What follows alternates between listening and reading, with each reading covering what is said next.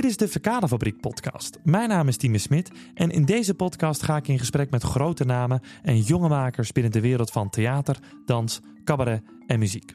En of het nu gaat om gevestigde namen en opkomende talenten, één ding hebben ze gemeen. Ze spelen allemaal in theater de Verkadefabriek. Een goede aanleiding dus om te praten. Anders dan gaat iedereen zwaar depressief de deur uit. Dat vind ik ook prima als dat een theatervoorstelling dat teweeg brengt. Maar, maar niet de mijne, want dat, dat zou ik niet elke avond kunnen opbrengen. Laat mij je meenemen achter de coulissen, zodat jij kunt horen hoe iets tot stand komt waarvan je normaal alleen het eindresultaat ziet. Want wat heeft ze geïnspireerd en op welke gedachten kouden ze bij het maken van hun voorstelling?